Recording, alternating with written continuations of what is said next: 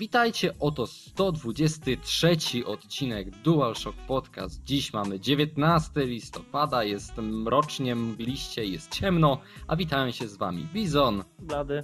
Tak, i Blady, proszę cię, przedstaw nam dzisiejsze tematy podcastu. Bizon nie potrafi odszyfrować jakże oczywistej listy. Otóż najpierw powiem o Splinter Cell, o David Hayter jako Tom Hardy. Powstaje filmowa ekranizacja serii Splinter Cell. Później Xbox raz, dwa, trzy, czyli nawet pasuje do naszej nazwy odcinka, ale również e, plotki o kolejnej konsoli Microsoftu. Później Wii U ze znaczkiem zapytania. Dalej Hitmańsko, pierwsze odczucia, pierwsze recenzje, pierwsze wrażenia. Później Omega DLC, czyli Mass Effect powraca, cyganie. A na koniec Game of the Year, czyli Goty, Kije i Psoty, Jeff Keighley, Doritos, Mountain Dew. Zapraszamy do słuchania.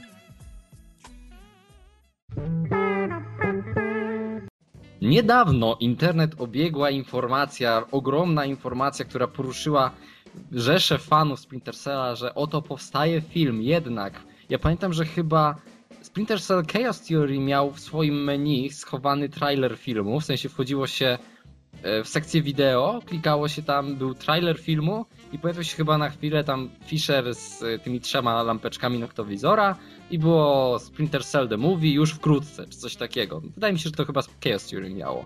No ale od tamtego czasu ktoś tam gdzieś tam przebąkiwał, że Splinter Cell powstaje, że może będzie. Niedawno mieliśmy informację, że powstaje Assassin's Creed The Movie, że będzie w to zaangażowany podobno Michael Fassbender, co było bardzo dobrą informacją. No a w zeszłym tygodniu dowiedzieliśmy się, że podobno Splinter Cell również powstaje i już nawet kompletują obsadę. I sama Fischera, jedną z naszych, no, ulubionych postaci w świecie gier, wyłączając może to, co z postacią się działo w ostatniej części, e, sama Fischera będzie grał nie kto inny jak Tom Hardy. Tom Hardy, czyli znany z Incepcji i no chyba najbardziej z Mroczny Rycerz powstaje, Bane. I teraz e, każde, każda większa seria gier musi mieć na którymś etapie swojego życia zapowiedź, że będzie powstawał film. E, no muszę przypominać o Metal Gear Solid, który ciągle powstaje ponoć. Ale powstaje, tak? I podobno nawet Kojima teraz, jak była ta 25. e, rocznica powstania pierwszego Metal Geara, to podobno mówił, że e, jest w dobrych rękach film, że powstaje, że są prowadzone rozmowy, więc mamy się nie martwić. Więc chyba Metal Gear to jest taki najbardziej płynący film, bo wiadomo, że kiedyś powstanie. Materiał jest praktycznie gotowy, leżący, weź i nakręć z tego film. Ale no, który będzie trwał 40 godzin i nie będzie można podgonić rozmów przez kodek. Ale zapędy mają dobre, tylko widzisz, nie udało się nawet skompletować obsady, a tutaj mamy już jakiś konkret. I ja myślę, że Hardy to jest dobry wybór. On nie jest już młody, w sensie to nie jest dwudziestolatek, który jest gładki, nie wiem, chudzinka, która widać, że nie nadaje się do tej roli, nie? To To nie gdyby jest... tam był Joseph Gordon-Lewitt, no to Ale może nie. się zdenerwował, ale... Ale wyobrażasz sobie, pamiętasz co było, jak dowiedzieliśmy się, że Timothy Olyphant będzie grał yy, Hitmana? nie przypominaj mi ekranizacji Hitmana, ponieważ do dziś mam konwulsję. Ale wiesz, to było tak, on będzie go grał. Ja sobie wcho- wchodzę na Google, wyszukuję, jak ten facet wygląda, mówię, nie, na pewno nie. Ale wiesz, możesz Później pojawia się plakat. Możesz, możesz wyglądać w miarę, przykład Marki Mark Wahlberg jako Max Payne, a i tak, Tak. słabo zagrać, nie zrozumieć postaci. Akurat Tom Hardy jest jeden z tych aktorów, który ja myślę, że on się zanurzy w pełni w tej postaci. Jeżeli oni mu dadzą tego Fishera z Chaos Theory, to on, on się w niej zapadnie po prostu, jeżeli on będzie właśnie tym cynicznym, wykalkulowanym mordercą z zasadami. Ale jeżeli dadzą mu, wiesz, mściwego, złego, który harczy, krzyczy i pije koktajle z tłuczonego szkła, no to jednak e, może być trochę przerysowane. Czy to jest dobry wybór? Ja też tak myślę. Pewnie wszyscy krzyczą, o, powinien Michael Ironside grać. Mhm.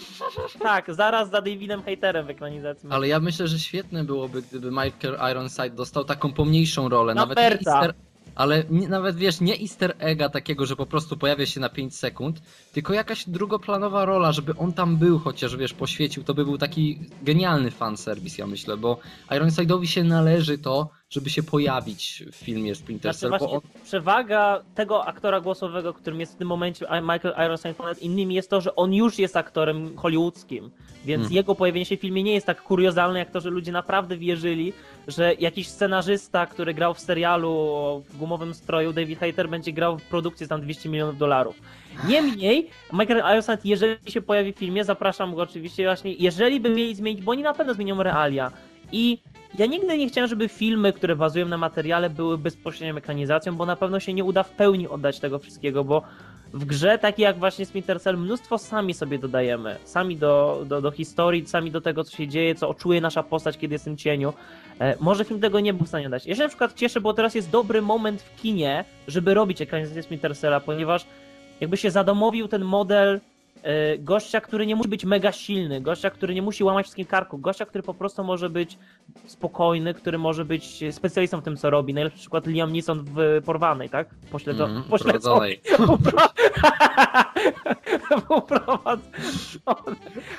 Liam Neeson in Retarded. Niemniej, właśnie y, Jason Bourne przetarł jakby szlaki właśnie dla tego nowego bohatera kina akcji, który może być ciekawy i emocjonujący, mimo że nie zabija 100 osób na sekundę, więc y, jest dobry czas. y, Ubi ma pieniądze teraz, nawet aż za dużo, więc może będą mogli w to przelać. Ponoć mają bezpośrednio nadzorować projekt tak, jak to niby robią z Asasynem. E, Zazwyczaj, jak słyszałeś, ekranizacja gry to oznaczało uciekaj, chowaj się i nie wychodź, dopóki nie opadnie atomowy pył. Jednak teraz myślę, że mogę być umiarkowanie sceptyczny Mhm. i, i czekać na kolejne informacje, bo jeżeli okaże się, że cały film będzie polegał na tym, że w środku dnia sam Fisher, a tak naprawdę będzie to po prostu Cox Army, biega, krzyczy, gdzie jest moja córka, nie. No ale właśnie, może tutaj jeszcze na sam koniec zastanówmy się, jak fabularnie będzie osadzony Splinter Cell, bo teraz e, wychodzi nowa gra, która jest sequelem Conviction, aczkolwiek pewnie do Conviction nie będzie mocno nawiązywać, tylko dlatego, żeby wiesz, byli ludzie, którzy mogą złapać zapada i bez znajomości poprzedniej części po prostu w to grać. No tak, szósta I- część to najlepszy moment, żeby zacząć przygodę z serią. Tak jak Mass To- Effect, zaczynaj od trójki. Najlogiczniejsze to jest zacząć od końca.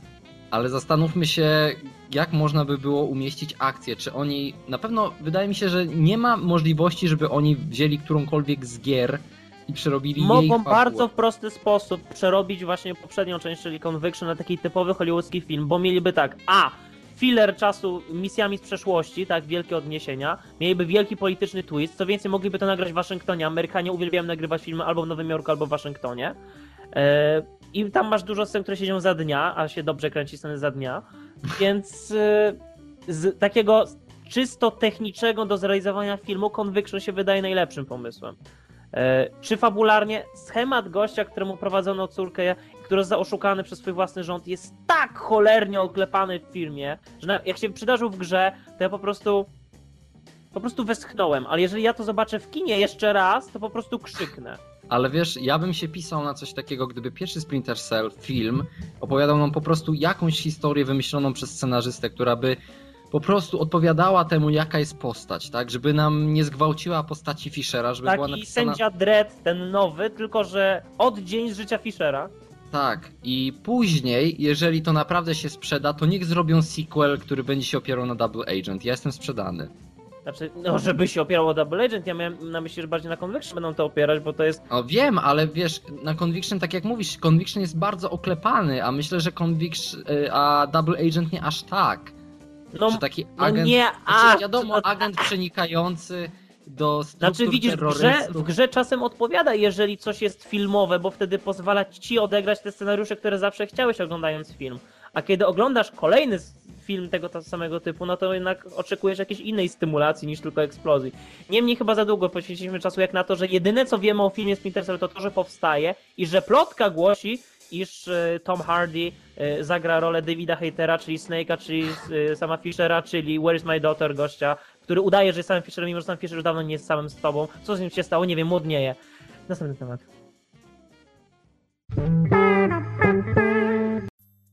Tymczasem Bizon! Ja? Czy ty wiesz, że Ale co? wszyscy wiedzą, jest oczywiste i nikogo to nie dziwi, że wychodzi nowy Xbox za jakieś parę trochę czasu? Tak? I jak całkiem normalne jest to, że nic o nim nie wiadomo, nie? Tak? To wiedz, że magazyn 1 Xbox World wie wszystko już o nim. O, już, oni, oni już na nim grali pewnie. Tak, y, y, jeżeli spojrzysz na Xbox World, okładkę nowego numeru, stwierdzisz, to nie będzie na pewno nowy Xbox, bo jest zbyt ładny. Ale, Czemu nie? Wygląda ładnie. no właśnie nie może być, bo jeżeli spojrzysz na historię Xboxów, one zawsze było bleśne. Więc y, oczywistym jest, że to jest tylko taki mock-up, oni z pewnością go pokroją piłą i y, nie pozwolą, żeby konsola wyglądała tak zgrabnie jak na tej okładce. Niemniej, Czy wiesz, jaka ponoć będzie nazwa nowej konsoli, nowego Xboxa? Xbox 720. Chociaż nie, bo to się, nie, czekaj, bo to się kojarzy z HD Ready.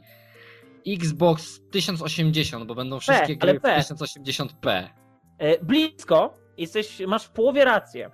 Ponieważ według plotki nowy Xbox będzie się nazywał Xbox.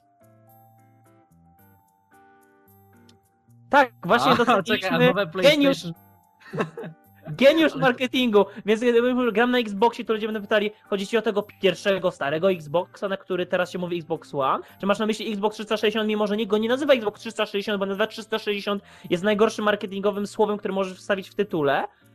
Czy o nowym Xboxie Xboxie? Ale wiesz, to był ten problem też przy premierze PS1, czyli tej pomniejszonej wersji PSX-a, tylko że wtedy wiadomo było, że jeżeli ktoś miał PlayStation, to miał tą albo tą konsolę, niezależnie od wielkości, to miało to samo w sobie w środku, więc y, niezależnie co byś powiedział, czyś powiedział masz PSX-a czy masz PlayStation, każdy mógł sobie potwierdzić, bo niezależnie jak, czy to było duże czy małe, miało te same wnętrzności, to była ta sama konsola, ale nazywanie trzeciej generacji jakiejś konsoli tak samo jak pierwszą, to jest, nie Ale- wiem, no to, To jest Ale gorsze to- niż nazywanie szóstej części Rocky Rocky Balboa, wiem. to będzie, może oni nazwą The Xbox, Za. albo Znaczy, ogólnie wiem, czemu tak, czemu to ma sens, bo ja wiem, że to jest tylko plotka jak na razie. I wiem, jak to zwykle jest w biznesie, nazwy się zmieniają. Pamiętam, kiedy na Wii mówiło się Dolphin. Konsola miała nie, to na GameCube'a się mówiło Dolphin. Tak? Tak, ale ja wiem, ja też zdaję sobie sprawę, że to nie będzie się nazywało Xbox, Tak, masz przecież, rację. przecież to każdy by to wyśmiał, no nie ma... Ale oni, ma, ale oni mają z marketingowego punktu widzenia, sama nazwa Xbox jest mocna wśród y, casual marketu. Oni nie mówią Xbox 360, oni nie wiedzą, że Mhm. kiedyś był Xbox One. Dla nich, wiesz, na czym grasz? Xbox. I to Mhm. mówimy o takich y, ludziach, którzy potrzebują pomocy od operatorów Walmart, żeby im podłączyć kabel HDMI do konsoli, tak? Oni Ale też to są jest- użytkownikami. Ale ty masz rację, ja z kimkolwiek bym nie rozmawiał, nie usłyszałem od nikogo, że ma Xboxa 360, tylko zawsze ma Xboxa albo PS3. Nigdy nie ma mam PlayStation, bo wtedy Mhm. pierwsze pytanie jakie leci, Które? to jest które PlayStation, ale jeżeli ktoś dzisiaj mówi mam Xboxa, okej, wiadomo, 360. Okej, więc, ale dobra, tyle o nazwie, tak? Bo to jest detal, który pewnie jeszcze tysiąc razy ulegnie zmianie i to równie dobrze może być teraz e, taki szywr, taki kod marketingowy, taki nie do rozgryzienia, tak jak w filmie się nazywa, nie wiem, e, różowa pralina, tak? A to tak naprawdę wychodzi Batman, to e, Xbox może być hasłem, tylko taką przykrywką. Niemniej, Niech się nazywa Box X. Boxix! Boxy! Niemniej, Dobrze, next. Co do specyfikaliów, jest takie słowo? E, Prawdopodobnie, specyfikacja, prawdopodobnie konsola będzie posiadała czterodzeniowy procesor, czyli słabo, i 8 GB RAMu, czyli ponownie słabo. E, Ma być ponoć obsługa płyt Blu-ray, czyli w jaki sposób się Microsoft dogadał z Sony w końcu. Wreszcie? I najważniejsza informacja w tej całej zapowiedzi. Konsola Xbox, sensie nowy Xbox, nie stary Xbox, Nie i stary, nie tak. obecny, tylko ten następny Xbox. Konsola Xbox będzie współpracowała nie tylko z nową generacją Kinecta, bo oczywiście sukces starego doprowadza do tego, że będzie nowa generacja Kinecta. Nie, sukces. Ale No, z- dobrze. Urządzeniem rozszerzonej rzeczywistości Augmented Reality Device Strap-on Head Thingy. Czyli, Czyli ogólnie według tej, Oculus Rift. Według tej plotki wkrótce, kiedyś, wyjdzie dodatek do Xboxa, który pozwoli nam przyczepić kawałek plastiku na mordę i granie z użyciem karku. Mogę się wypowiedzieć na ten temat? Proszę bardzo. Kiedy wychodził Kinect, wszyscy chcieli nam wmówić, że to jest peryferal, który pozwoli nam grać w gry i to zarówno tym, którzy są żółtodziobami, jak i tymi tym hardkorowcom umożliwić nowe doznania, wprowadzić coś, co rzeczywiście im ułatwi, Nowe źródło frustracji. Chcieli korzystać. Tymczasem okazało się, że tak, dla casualów Kinect czasem działa, czasem nie. To jest zależne od tego, jakie się ma e, umiejętności, jaką się ma tolerancję do sprzętu i tak naprawdę czego się oczekiwało. Ale hardkorowy gracz nigdy nie spotkałem się z takim, który by mi powiedział, że Kinect to jest coś świetnego, że rzeczywiście mu usprawniło grę. Więc myślę, że skoro oni teraz chcą nam znowu mówić, że Kinect był świetny i my wam wprowadzimy nowy peryferal, który ulepszy wam jeszcze to, to ja widzę tak, jeżeli to, ja, ja rozumiem, że mogą działać takie okulary tej wirtualnej rzeczywistości, bo mieliśmy całkiem niedawno temat o tym Oculusie, który powstał na Kickstarterze i który podobno działa i działa całkiem nieźle. Tylko czy to się uda zrobić tak jak należy, bo kiedy mówiliśmy o Kinekcie i były te prezentacje, to na prezentacjach wszystko wyglądało świetnie, Bo wszystko techno- działało. Bo, później poszły koszta, bo kiedy zaczęli robić maszynowo Kinecta, on był kiedyś genialnym projektem, wojskowej jakości można powiedzieć, ale z czasem się okazało, że to jest za drogie, ten procesor trzeba No wywalić, właśnie, kamerę dlatego, trzeba zmienić, światła trzeba Okej. zmienić. Blady, dlatego, jeżeli oni będą nam chcieli wcisnąć okulary VR, które będą właśnie tak jak y, Kinect bundlowane z nowymi konsolami, które będą robione po kosztach i które będą wywoływały odruchy wymiotne i niekończące się ataki biegunki zamiast y, jakiegokolwiek wpływu pozytywnego na nasze granie, to ja tu nie widzę żadnej przyszłości. A tak mi się właśnie wydaje, że tak będzie, że niepotrzebnie reklamuje się nową konsolę tym, że słuchajcie, wiecie, że będzie następca Kinecta do tej konsoli? Moja reakcja to jest ucieczka, a nie przygarnianie tego do siebie, ale to może ja jestem dziwny. Ale trzeba spojrzeć, że e, skąd się wzięła w ogóle moda na motion gaming? Nintendo, tak? Oni to wprowadzili z Wii, ale sami się wycofują. O czym to znaczy, jeżeli największy gracz, który miał najlepszą rzekomo technologię, który miał najwięcej czasu i pieniędzy się wycofał z tego, moim zdaniem o wiele lepszy pomysł, bo dla mnie taki, ta, ta, taki touchpad zintegrowany z padem i e, posiadający jakąś tam kamerę żyro i w ogóle wstrząso liczniki, to jest moim zdaniem chyba, jeszcze nie grałem na, na tym wynalazku, niemniej moim zdaniem to e, wygląda jak najlepsze narzędzie do grania takiego hardkorowego. Tak nie wyobrażam sobie, jak ktoś o zdrowym umyśle może siedzieć w Microsoftie i mówić, no tak, trochę nam nie wyszło z tym Kinectem, ale idźmy tą drogą dalej. Nie, Ale Microsoftie, Kinectie, nie idźcie tą drogą. Ale koszt takich okularów wirtualnej rzeczywistości, jeżeli oni to będą chcieli bundlować, byłby astronomiczny. To by były setki dolarów, żeby kupić sobie taki sprzęt, więc e, nie wiem, jak oni chcą to zrobić. Nie wiem, może to są tylko takie przymiarki. Ja bym się na to nie zapatrywał jakoś pozytywnie, w ogóle się na to nie zapatruję pozytywnie, ale wiem, że to się da zrobić i to e, może działać. Tylko czy ta technologia będzie na tyle rozwinięta, żeby działała, czy będzie po prostu kolejnym Kinectem, czyli słuchaj, działam, ale nie skręcaj głowy za mocno, albo usiądź prosto i nie waż się czasem skręcić głowy lekko w lewo, jak się schowasz za przeszkodą, bo wiesz, wyskoczę, nie?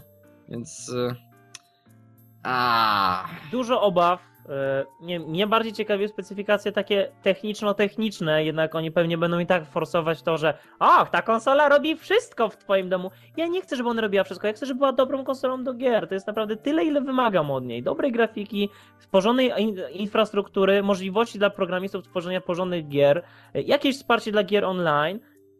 I, I już! I śmigaj! Może zmieniarka płyt. Czekam ciągle na konsolę, która będzie miała zmieniarkę płyt budowaną. Jednak e, i podgrzewać do, do herbaty. Nienawidzę jak mi stygnie. Niemniej, e, tyle o Xboxie. Znowu się opieramy na plotkach, ploteczkach, więc to bardziej były takie nasze rozważania o temacie. E, niemniej będziemy was informować na bieżąco o wszystkich kolejnych nowościach z Xboxem związanym. Nie z Xboxem starym, nie z Xboxem tym, co jest teraz, tylko z tym, co będzie. z nowym boxem. Boxem. Next box. Next, Next box! Kur... idę- You got this! Dlaczego nie jestem marketingowcem w Microsoftie? Ale you got this! Aż siadło, aż poczułem coś w środku. Mm.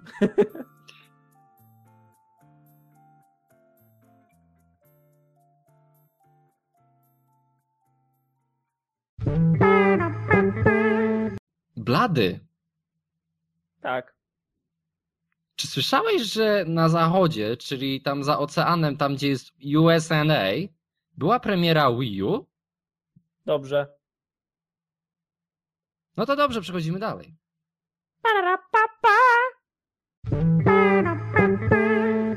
Tymczasem, nie za oceanem, ale tam też, gdzie duzi są ludzie, e...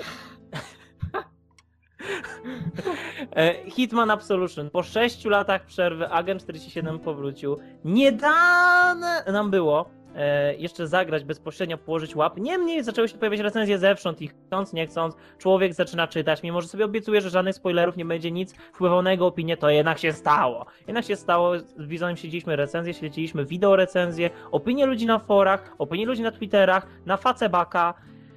No, opinie są mieszane. E, Ale wiesz, najgorsze, co mnie najbardziej boli, to jest to, że ja dzisiejsze opinie nie wierzę. To jest yy, ja podstawowa nie sprawa. Bo ja już w nic nie wierzę. To jest tak, kiedyś wydawało mi się, że kiedy brałem do rąk jakieś czasopismo albo czytałem bardzo wcześnie kiedyś e, jakąś recenzję w internecie, to zazwyczaj to były rzetelne recenzje, które były po pierwsze rozbudowane, a po drugie e, ich oceny były sprawiedliwe. E, Recenzent nigdy nie brał pod uwagę tego, że na przykład, nie wiem, e, ktoś mu zapłacił w Mountain Dew i w Doritos i z tego powodu musi wystawić grze 8 na 10. Tak naprawdę kiedyś dobra gra zaczynała się od takiego, no, Siedem. 6, No 6 7. 7. Ja od 7 jak byłem mały, zacząłem od 7 patrzeć na gry, że o! No, jeżeli coś było powyżej średniej, czyli średnia oceny to jest 5 na 10, jeżeli coś było powyżej tej średniej, to oznaczało, że to już jest produkt dobry, czyli produkt, który warto zainwestować. Jeżeli Ciebie y, interesuje y, jakby ten materiał źródłowy, tak? Jeżeli jesteś fanem Hitmana i on ma ocenę powyżej 5, to już mogłeś się zastanawiać, bo tam było coś dla Ciebie i było ponadprzeciętne. W dzisiejszych czasach oceny wyglądają tak. 10 na 10 dostają gry, które są albo dobrze opłacone, albo są kolejnym Call of Duty, czyli też są dobrze opłacone, albo są gry, które dostają 7 na 10 i to już oznacza, że są złe. Bo takie Napiętnowane dzisiejsze- po prostu, och, tragedia. I dlatego bardzo trudno jest mi ocenić, co tak naprawdę ludzie piszą o tym Hitmanie, bo ja mogę skupiać się tylko i wyłącznie na tych składowych rzeczach, które tam są opisane i nie patrzeć na ocenę, bo z oceny ja się nic nie dowiem, bo ja zdaję sobie sprawę z tego, że Blood Money też miał masę błędów. On w wielu miejscach był grą wręcz upośledzoną, a mimo to miał elementy, które nam się bardzo podobały i przymykaliśmy na to oko i z, no, bez zachłyśnięcia wystawilibyśmy ogromną ocenę, wielkie, tłuste, nie wiem, tam 9 na 10 Hitmanowi Blood Money, bo po prostu dawał nam masę przyjemności. I z tego powodu, jak czytam recenzję hitmańska teraz, to widzę problemy z tą sztuczną inteligencją. Widziałem już to na filmikach też, więc e, nie ja wiem. myślę. Musiałbym, to jest ciężkie, ciężko mi powiedzieć chyba pierwszy raz od bardzo długiego czasu, po obejrzeniu jakiegoś filmiku z gry, w sensie jakiegoś długiego filmiku, po przeczytaniu i obejrzeniu recenzji, ciężko mi jest powiedzieć, co ja naprawdę tak myślę i e, nie wiem, czy opłaca się na to też na przykład wyrzucać pieniądze, bo taki miałem, taki miałem zamysł, że może na święta po, poleci hitmańsko, ale zastanawiam się naprawdę, bo ciężko mi jest. Ja na pewno wydaję pieniądze na Hitmańska, choćby przez lojalność dla serii i tego, czym było dla mnie Blood Money i czym był Silent Assassin. E, ja też myślę, że nasze niedowierzanie teraz po, wynika poniekąd z faktu, że naprawdę chcieliśmy, żeby ta gra była genialna, żeby ona była wielka, żeby ona była wspaniała, żeby to był ten gigantyczny, triumfalny powrót Hitmana. My chcieliśmy grę roku. My chcieliśmy gry roku, ale. Okej, bo. Ha! Myślałem, że będę, będę potrafił bardziej składnie wyrazić to, co czuję, jednak widzę, że podobnie jak ty, mam tę, tą dozę właśnie takiej. Nie tyle niepewności, bo ja mogę już teraz powiedzieć, że na podstawie wszystkiego, co widziałem i przeczytałem, przeczytałem wiele, że nie jest dobrze. Nie powiem, czy jest gra dobra, czy zła, ale wydaje się, że ogólnie opinia nie jest dobra. Jednak już tyle razy słyszałem, że gra jest dobra, a okazała się syfem, że może tym razem będzie w drugą stronę. Ponieważ jeżeli spojrzysz na recenzję Game Trailers, którą wiele ludzi, w tym ja i Bizon, stawialiśmy sobie zawsze bardzo wysoko ich recenzję. A ja to ją. Patrząc na materiał filmowy, ty stwierdzasz, że ten człowiek nie potrafi w to grać. I ja wiem, ktoś powie, o blady, no, za, za, za, zawsze mówi, że gra się gra tak, jak tobie się podoba, a nie tak, jak twórcy chcieli, takie tam, czy coś takiego, nie wiem, nie umiem sam siebie cytować. Jednak, jeżeli wsiadasz do samochodu sportowego i zaczynasz narzekać na brak widoczności przez tylną szybę i problemy z parkowaniem, to ja stwierdzam, aha, ale czy to powinien być, dobrze, że wspomniałeś o tym, ale czy to jest czynnik, który powinien wpływać na ocenę tego samochodu sportowego? Więc jeżeli Hitman jest grą o byciu super mega silent asasynem i zabijaniu ludzi za pomocą sztućców, to czy powinno się obniżać ocenę z tych czy innych powodów, bo fabuła jest słaba, bo coś tam, bo coś? Więc... Ale fabuła nigdy nie była dobra w Hitmanie. Znaczy, To- widzisz, to też może być wadą tego Hitmana, że właśnie kiedyś nam nie przeszkadzała ta słaba fabuła, bo ona do niczego nie służyła. Ona była tylko pretekstem, żeby połączyć ze sobą ciekawe scenariusze misji. Ale też czasy się zmieniają. To trzeba zauważyć, że dzisiaj każda gra musi mieć fabułę Ale musi jeżeli spojrzysz na X-Koma, on ma tragiczną fabułę. Ja nie pamiętam, ja grywałem na Pegasusie i tam były bardziej przekonujące postaci i historie. Więc i XCOM ma tragiczną fabułę z najgorszym zakończeniem świata, a mimo to ciągle nie mogę przestać w niego grać. Mass Effect 3!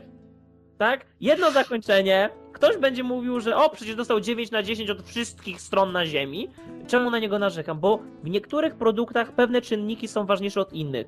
Więc dla mnie w Hitmanie najważniejsze to jest, e, czy misje są ciekawe, czy można do nich powracać, czy jest wyzwanie, czy można kombinować, czy. Yy, czy są ciekawe przebrania, czy jest, można kombinować z bronią i tak dalej. O tym się często teraz w niewielu recenzjach, chyba tylko na joystick, przeczytałem recenzję, która się odnosiła do fun factor, samej przyjemności powtarzania, yy, wykonywania kontraktu, do samej przyjemności odgrywania tych scenek i tak dalej, więc... Mhm.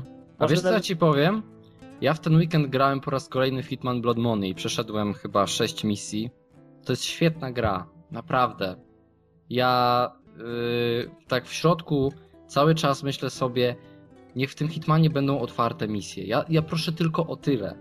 I słyszałem, że z tym jest problem, bo tutaj jest klucz do tego, dlaczego Hitman był sukcesem. On nie miał nigdy dobrego strzelania, on nie był genialną skradanką, bo miał też swoje problemy ze sztuczną inteligencją, ale otwartość dawała nam to, że potrafiliśmy przymknąć oko na wiele aspektów, które były po prostu złe w tej grze.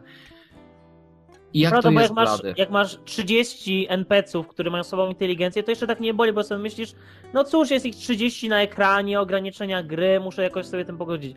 Ale jeżeli masz korytarz, w którym twórcy gry ustawili ci dwóch strażników i oni obaj są tępi jak but, to rzeczywiście może coś, to, coś tu nie gra po prostu. Okej, ale ty, czy ty gdzieś w tych recenzjach znalazłeś, jak to w końcu jest z tymi otwartymi misjami? Bo ja już czytałem tą wersję, że podobno jedna czwarta z nich jest tylko otwarta. E, Ja słyszałem, że to jest bardziej jako takie sekcje przerywnikowe pomiędzy misjami. Są te sekcje stylu dotrzyj do końca korytarza albo wywalcz sobie drogę gdzieś. Aha, Na przykład mi odpowiada ten pomysł wywalcz sobie gdzieś jako takie poboczne zadania, gdyby to były, które popychają fabułę do przodu. Ja nie uważam, że każda misja, każda to powinno być, że o, 47, e, wejdziesz w garniturze, nikt cię nie podejrzewa o nic, masz wybór do wszystkich broni i tak dalej. Ale jeżeli ja już teraz czytam, że każdą misję zaczynam z wyznaczonym z góry sprzętem, że nie mogę zabrać karabinu snajperskiego na misję, tylko go muszę znaleźć gdzieś na mieście, no to coś jest nie tak jednak. I Ale teraz to też widzisz- był element, który był świetny już od drugiego Hitmana, bo jeszcze w e, Codename 47 tego nie było, ale od drugiego Hitmana zawsze powtarzając misję, chociażby powtarzając, mogliśmy wybrać szpej i zrobić ją tak jak chcieliśmy. Tym bardziej można było odblokowywać nowy szpej i później powracać do starych misji i kombinować z użyciem nowego sprzętu. No właśnie, więc um, um, dziwaczne. coś nie siadło. Ogólnie ja widzę, miło, ja widzę miłość do postaci, ja widzę miłość do serii w tej grze. Ja widzę jak Aja próbowało. Oni naprawdę chcieli znaleźć miejsce dla Hitmana w tym nowoczesnym świecie, ale Hitman był przestarzały pod wieloma względami już kiedy wyszedł. I ja się cieszę, że oni nie zrobili z niego samych Fisher. Ja się cieszę, że to nie jest run and gun. Ja się cieszę, że oni nie zrobili z tego cover mechanic shooter. Ja się cieszę, że nie zrobili z tego bądź jak Pantera, zabijaj na szybkiego stealth, tak jak dzisiaj się promuje. Ale wiesz, są pewne skarby, które powinny pozostać zakopane. Ja jestem ciągle otwarty, tak? XCOM mnie zaskoczył tym, jak wiele przyjemności można czerpać z przestarzałej gry, która ma mnóstwo błędów, więc może Hitman zrobi to samo i kto wie, może za parę tygodni będziemy spoglądać na ten podcast i mówić sobie, patrz, tyle dzisiaj gramy w Hitmana, tyle powtarzamy te kontrakty, tyle kombinujemy na misjach, a wtedy byliśmy niepewni i tak dalej, więc e, chyba Jezu, Mam nadzieję, że tak będzie i to będziesz ty, który mi powiesz, czy tą grę warto kupić, czy nie. to będę ja. A na razie Szczepan odej mi kasę.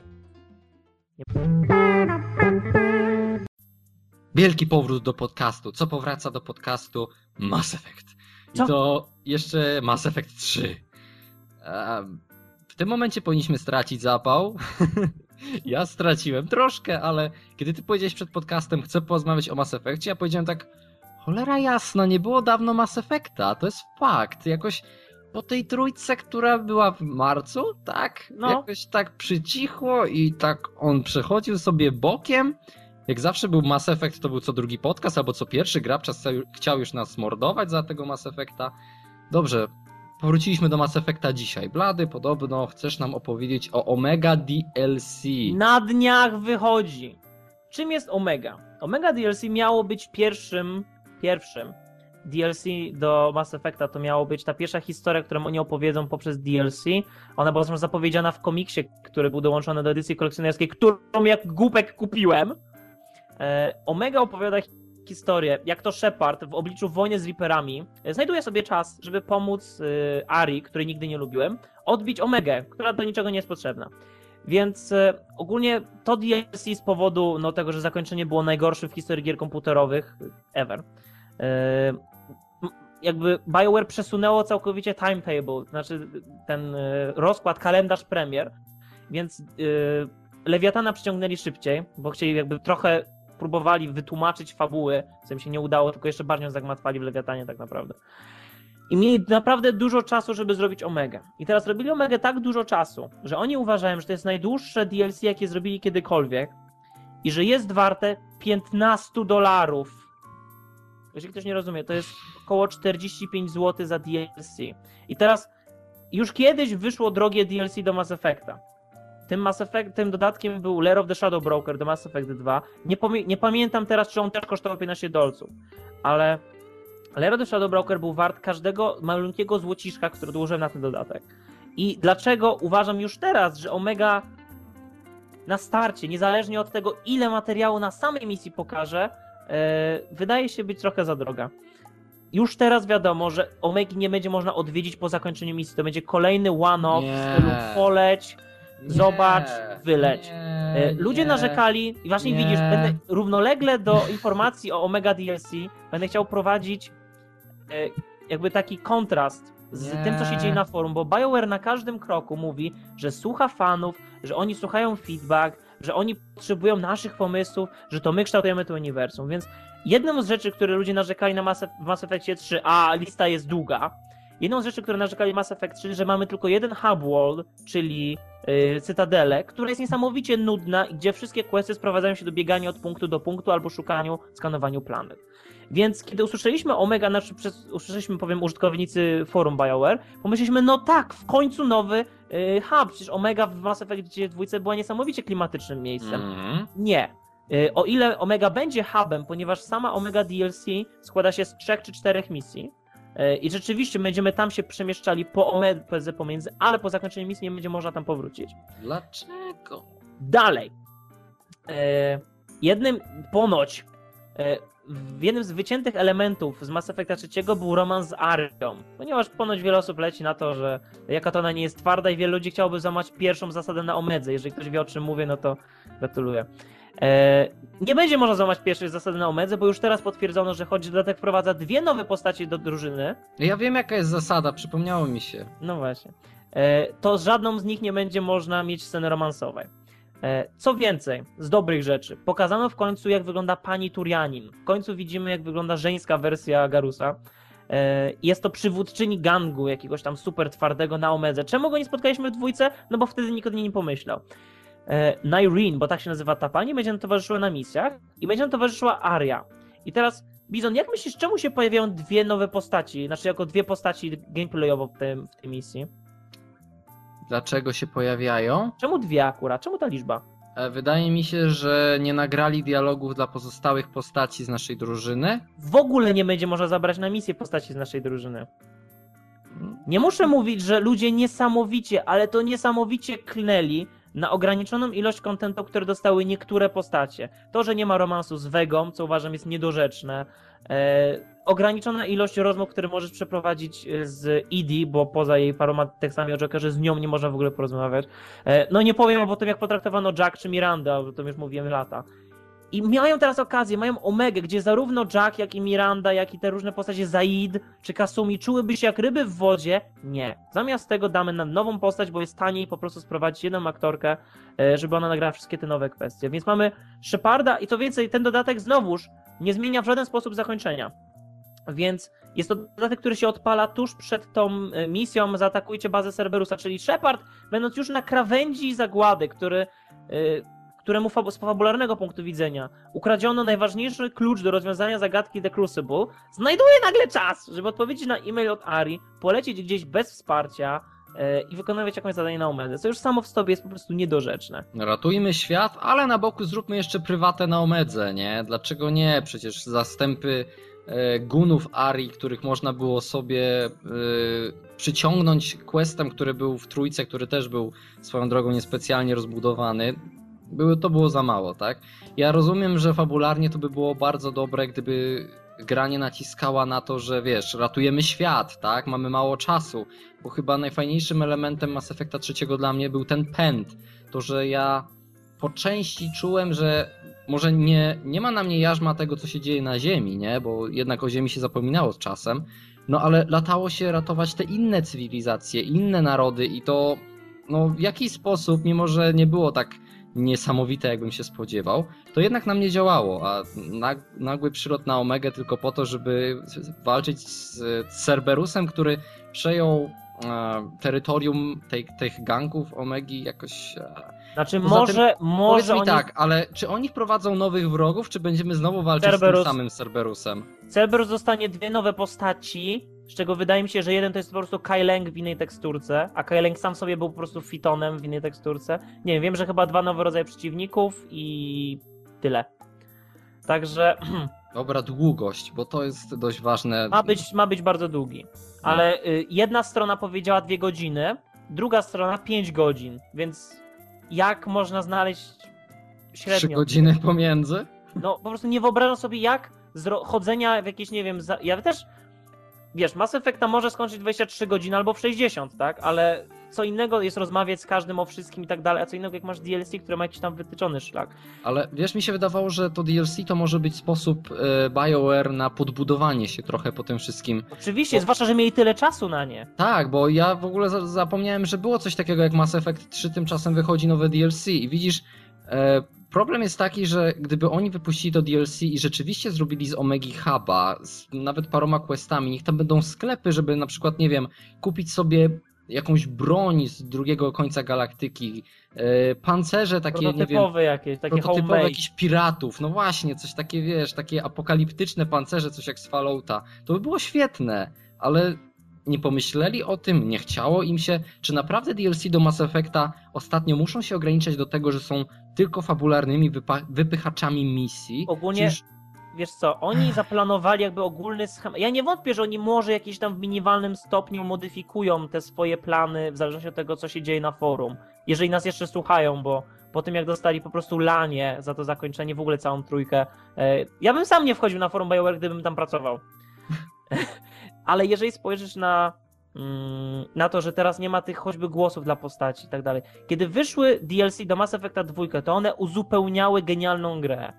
A Mass Effect 3 po prostu potrzebuje łatania, potrzebuje łatania tych wyrw w zaufaniu, które fani e, posiadają względem firmy, a oni zaplanowali to, że aha, trójka będzie genialną grą, jak sam mówił były doktor BioWare, że to jest najlepsza gra, którą BioWare kiedykolwiek zrobiło, to oni pewnie myśleli, że aha, zrobimy genialną trójkę, a każdy dodatek będzie tylko rozbudowywał ten świat. Nie! Wy macie zbyt wiele do naprawienia jeszcze, żeby się bawić w kolejne historie, które nikogo nie obchodzą. Podstawowe pytania, jak ludzie widzą zapowiedź DLC to jest, y, czy będzie można rozwinąć y, dialogi z Jack z Mirandą? Nie. Czy będzie można mieć nowy hub? Nie. Czy będzie to zmieniało zakończenie? Nie. Trzy pytania, bardzo proste. Przegrane u 80% użytkowników forum BioWare.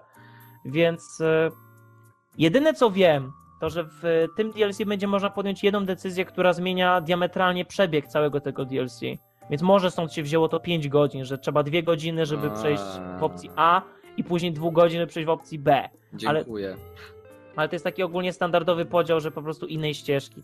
Z tego co czytałem, tak, tak, tak to wynika. Dobra, ale podstawowe pytanie jest takie, czy kupisz? Oczywiście.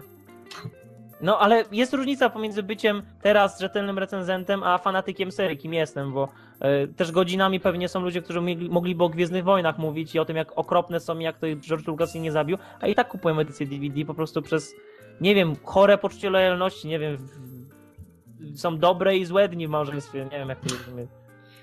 Okej, to, to może zakończmy już ten temat Mass Effectałkę. Kiedy wyjdzie, ja myślę, że będziesz musiał, znaczy będziesz musiał. Twoje ego będzie tak rozbuzowane, że będziesz musiał nam przedstawić, co tam się działo w, tej, w tym dodatku i dlaczego, i dlaczego jest chujowe, albo dlaczego jest świetny. Więc Wydam 15 dolarów, tylko Szczepan oddaj mi kasę. Szczepan, bo nie będziemy mieć ani DLC, ani nie będziemy mieć Hitmana. Weź się postaraj. U góry zamiast sponsor Makita będzie Szczepan. Dzisiejszego Hitmana sponsoruje Szczepan.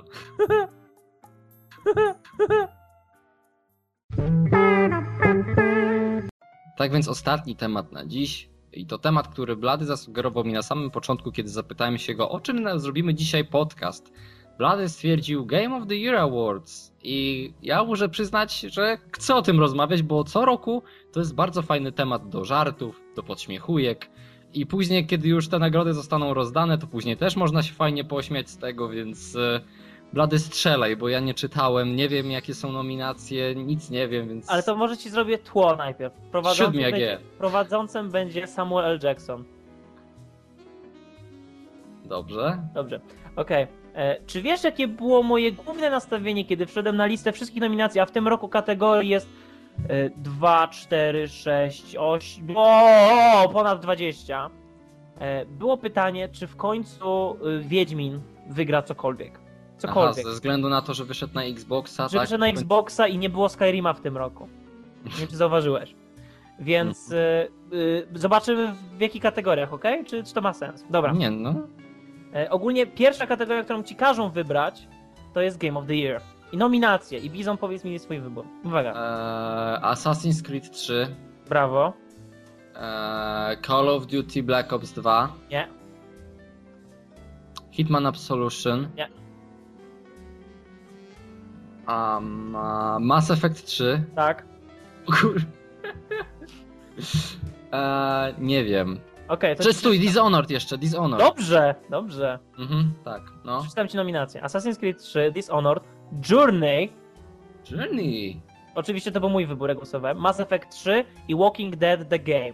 I oczywiście na dzień dobry zaskakuje to, że dwie małe gier, znaczy małe, relatywnie małe gierki, czyli Walking Dead od Telltale i Journey od y, CE, czy That Mhm. Game Company, bo oni teraz się odłączyli, e, są na tej liście. To jest oczywiście bardzo fajnie. No, ale to wiesz, dziwi mnie, że na gali Spike'a takie gry mogą być nominowane. Ale wiesz co, to- Journey i Walking Dead prawie wytarły smród w mordzie po tym, że Mass Effect 3 jest nominowany jako gra roku.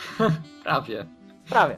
Okej, Studio Roku. Chyba druga najważniejsza nagroda, jaką możesz sobie wyobrazić. Um, no to BioWare, Nie, Ubisoft. nie. Nie? Nie. Um, um, um. No, Bethesda. Besenda. nie, już ci mówię. Nie, bo oni E. są teraz publisherem, a nie studiem. No dobra, no. E, otóż, mój drogi, nominacje to Free for Free Studios, czyli twórcy e, Halo 4, Aha, tak. No. Arcane Studios, czyli twórcy Dishonored, Gearbox Software, czyli w tym roku Borderlands 2, Mhm. w zeszłym roku jakże ciepło przyjęty Duke Nukem i Telltale Games. Proszę. Znowu końcu- zaskakujący dobór, W końcu się doczekali. Telltale się w końcu doczekało po, po latach tworzenia Sam Maxów i innych przygodówek. Eee, oczywiście Telltale było tutaj moim wyborem, a to tylko dlatego, że mam nadzieję, że wykupią prawo do Grim Fandango od Lukasa w końcu. Eee, Co byś wybrał z tej listy? Ciężko by mi było, wiesz? Nie wiem. Dla mnie. em, dla mnie powinna być jeszcze jedna firma dopisana, ale. E, ostatecznie myślałbym nad Arcane Studios chyba. Okej. Eee, Oczywiście zauważam już druga kategoria, gdzie nie było Wiedźmina ani CD Projekt Red. Mm. Ale najlepsza gra na Xboxa 360. Nominacje przeczytam ci już, żebyś To, nie ale nie, ale powiedz mi, że jest Wiedźmin. Nie. No dobrze, no to. Nominacje to Assassin's Creed 3, Borderlands 2, Dishonored, Halo 4. Zgadnij co wygra. E, Halo, na pewno. Oczywiście. Najlepsza gra na PS3. Assassin's Creed, Borderlands, Dishonored, czyli znowu trzy gry. Ale to czekaj, to nie było ekskluzywów w tym roku? Przepraszam, jest jeden ekskluzyw na PS3. Jest to Journey. I Ale- też jest w aha. nominacji jako najlepsza gra na PS3. Aha, Co też jest zaskakujące i miłe. no, ale szkoda, że nie wygra, no. Nie pytam o grę na Wii, bo kogo to obchodzi. Najlepsza gra na PC-ta. I teraz nominacje cię zaskoczą. XCOM musi być. Jest XCOM! Dobrze. Torchlight 2, Guild Wars 2, Diablo 3, już widzę jak gra. O Jezus, po, dlaczego? Znaczy, ja nie mam nic do ludzi, którzy grają w Diablo, ale ja po prostu nie kumam, nie? Nigdy nie kumałem, no. Nic, Dobrze. nie, wiesz, mnie cieszy, że jest XCOM, więc... Nie, no okej, niech będzie. No, Bez wrzucaj we mnie shooter. kolej. Bez Borderlands co? 2, Ale bez co? bez shooter. Shooter, ach. Borderlands 2, Black Ops 2, Halo 4, Max Payne 3. Halo. Na pewno. Ej, bo ja... Znaczy, dla mnie wie, każda nagroda na Spike'u, jeżeli jest nominowane Halo, to wygrywa Halo. Hej, najlepsza gra Action Adventure. Nie wiem, czy jeszcze w dzisiejszych czasach Jakiś- można to rozróżnić. Czekaj, ale Action Adventure były takie gry? Bo... Assassin's Creed 3, Ach, no tak, no powiedz. Darksiders 2, Mhm. Dishonored i Sleeping Dogs. Kurczę, Nie dziwi nominacja Sleeping Dogs, jest miła oczywiście, Mhm. zauważyli, ale wydaje mi się, że Assassin's Creed tutaj wygra. bardzo prawdopodobne. Okej, moja ulubiona kategoria każdego roku. Najlepsze RPG. Nie ma I w Wiedźmina. końcu... Nie, nie! Otóż nie ma Wiedźmina. Nie, no nie mów. Nie ma. Naprawdę Jest nie? Diablo 3, Mass Effect 3, Torchlight 2 i Xenoblade Chronicles. Mass Effect 3 RPG. Oczywiście, że tak. Nie wiem, czy zauważyłeś, ale ma dwie statystyki w całej grze, które się wyświetlają. I na koniec liczby decydują o tym, jaki kolor masz zakończenia, więc sorry. Dobra.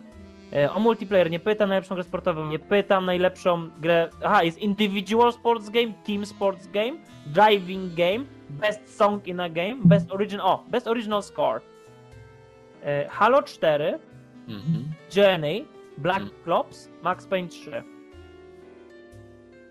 Nie słuchałem, nie słyszałem nic z tych soundtracków chyba prócz Halo, ale Halo ma to do siebie, że ono zawsze ma naprawdę bardzo dobre Zmienił się soundtracki. kompozytor teraz do czwórki.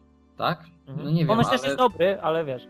E, Znaczy ja wspominam Journey jako przeżycie i wiem, że muzyka była dobra, ale nie potrafię zanucić żadnej muzyki. No właśnie, to jest ten problem, ale wiesz, to jest i tak, y, tu głosują ludzie, więc e, Halo. Ale z czego głosują ludzie, nie? No dobra, teraz jeden ten. Najlepsza grafika. Assassin's Creed 3, Halo, na pewno będzie Assassin's Creed też. 3, Halo, Journey, Wiedźmin 2. Żartowałem, Dishonored. Halo, wygra Halo. E, Nie, ale to trzeba im przyznać, że Halo 4 wygląda bardzo ładnie jak na Xboxa. Tam są na pewno triki graficzne Ale sam poukrywane gdzieś. design jest niesamowity. Ale wiesz, gdzieś na pewno pod butem Master Chiefa jest tak okropna tekstura, no na która, pewno. która wiesz, ona tam jest po to, żeby wszystkie inne tekstury mogły tam, wiesz, być ostre jak brzytwa, nie? Ale gdzieś tam są takie ukryte te tekstury, które, wiesz, po prostu jakbyś na nie spojrzał, to wymiociny zalałyby cały ekran. No ale No tak, nie będę pytał Best Fighting Games, Handheld, ale ciekawa kategoria Best Performance by a Human Female, czyli najlepsza pani w roli głosowej. I Mamy wybór e, Emma Stone jako Amanda Cartwright ze Sleeping Dogs, Mhm. e, Jen Taylor jako Cortana z Halo 4, Jennifer Hale jako pani Shepard, dali złe zdjęcie, bo dali panią Shepard, e, kiedy jeszcze była ta blond, a nie jak zmienili nazwę. No. I Melissa Hutchinson jako Clementine z Walking Dead. Więc y, miło, że uznali panią Hale w końcu, tutaj chociaż nominacją.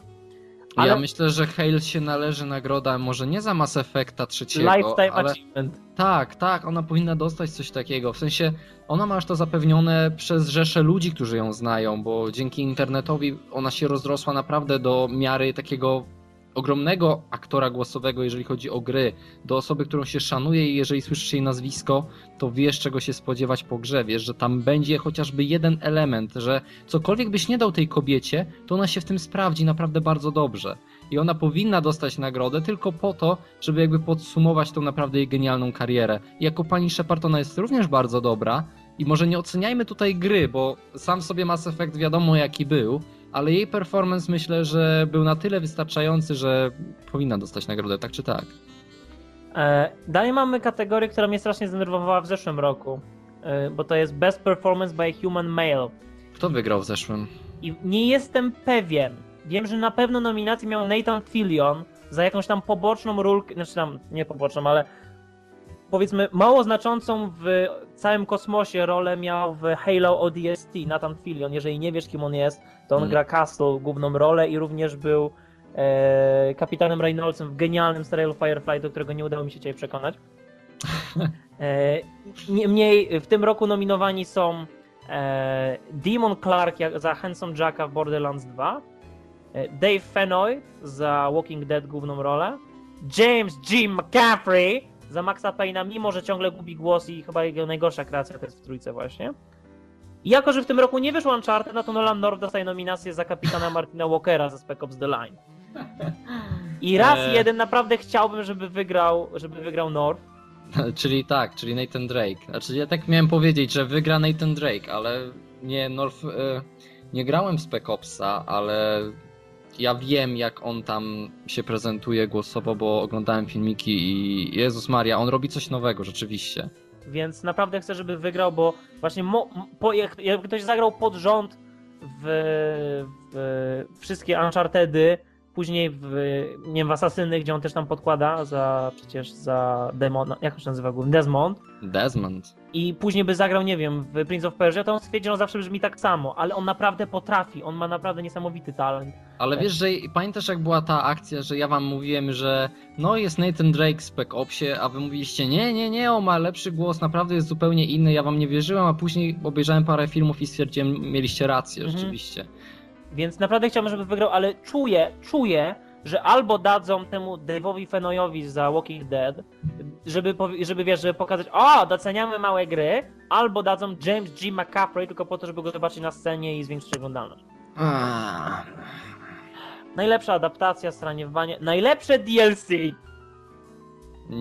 Nie że jest Lewiatan tam. Jest Lewiatan do Mass Effect 3. Jeden Ale z wiesz, najgorzej oni chyba nie mieli... jeden z najgorzej mieli co przyję- upchać tam.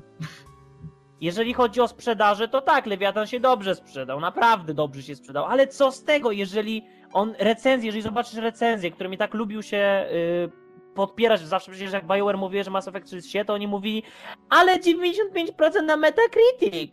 No to Tak, w takim tak. razie Lewiatan ma chyba 60%, bo jest po prostu naprawdę okropnym dodatkiem.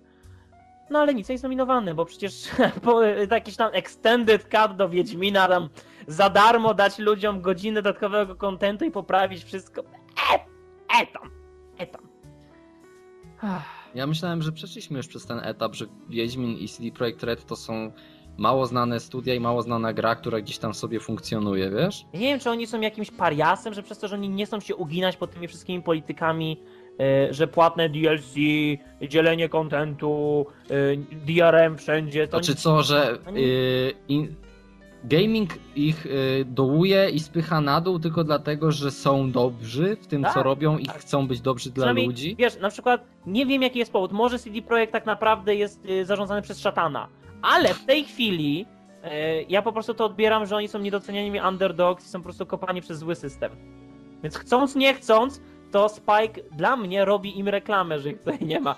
Co jest oczywiście kuriozalne, bo z jednej strony chciałbym, żeby był wszędzie nominowany Wiedźmin wszędzie wygrał, a z drugiej może to dobrze, że nie, po prostu nie dali się sprzedać, może to jest prawidłowe słowo. Ja też nie chcę obrażać, bo to jest, są naprawdę utalentowani deweloperzy na tych listach i na tych e, tutaj ankietach, ale mimo wszystko po prostu czasem boli patrzeć na rynek. No.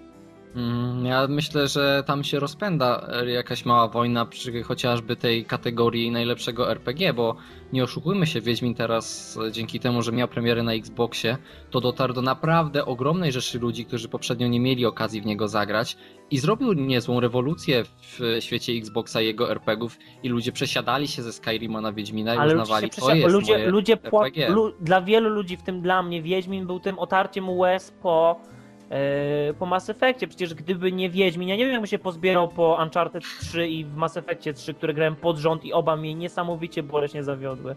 Oczywiście Uncharted nie aż tak bardzo jak Mass Effect. I w ogóle mnóstwo ludzi na forach BioWare przyznało właśnie, że to dzięki porażce Mass Effecta 3 znaleźli Wiedźmina i byli nim zachwyceni, więc ja czuję, że nie wiem, czy widziałeś, Wiedźmin 2 miał niesamowicie silne wsparcie na Metacritic, kiedy wyszedł na PC. On miał wtedy e, tam chyba 1200 recenzji pisanych, co Mhm. się nie zdarza na Metacritic, bo zazwyczaj tam ludzie klikają like i tak dalej. E, jakby to zmotywowało, wtedy zaczęły się takie wojny o te pierwsze miejsce na liście, tam najbardziej doceniane, bo oczywiście wszyscy fani tych Skyrimów i Oblivionów się obudzili wtedy. Niemniej, e, ja czuję, że gdyby Wiedźmin tu był, w, choćby w kategorii najlepsze RPG, choćby był obok Mass Effecta, to ja czuję, że by się znalazło dość ludzi, którzy by wybrali go choćby, choćby na złość BioWare. Mhm. Nawet nie tyle to, że grali w Wiedźmina, co po prostu słyszeli na forum BioWare, że ludzie uciekli do Wiedźmina, bo to, bo to, bo tamto. Więc y, po prostu aż boli patrzeć. No. Nie ma nigdzie w jednej kategorii największej polskiej gry na Xboxa, pierwszej gigantycznej premierze, bo o tym porcie Sniper Ghost Warrior czy Left, o ten Dead Island wiem, że wyszły, ale Wiedźmin jako taki chyba był największą polską grą na Xboxa. I że nie jest nominowany w żadnej kategorii. To jest To już przestaje się robić to śmieszne. już przestaje się robić śmieszne. Ja bym naprawdę kupił, gdyby był nominowany, a wygrałby Mass Effect jako RPG, bo ja wiem, jak wielkie ma zastępy fanów. I ja wiem, że koop jest świetny w Mass Effectie trójce. I ja wiem, że ludzie cenią tą politykę e, kupowania sobie jakichś dodateczków, żeby mieć kolejny tam modyfikator broni w multi. Ale naprawdę RPG i nie nominować Wiedźmina, który był jednym z niewielu prawdziwych RPG w tym roku. Black Ops 2 miał więcej RPG niż ma Mass Effect 3, miał bardziej znaczące wybory. To już mówi dużo. To chyba mówi wszystko. A jeszcze jako Ja- podsumuję, co mówi wszystko, że ostatnią kategorią jest Best Social Game, Best Downloadable Game i Best DLC. To są ostatnie kategorie. Bez, bez social game już jest taka kategoria też. Tak, tak. Ten świat, No, no. żelki. Tym pozytywnym akcentem. Przejdźmy do zakończenia. No.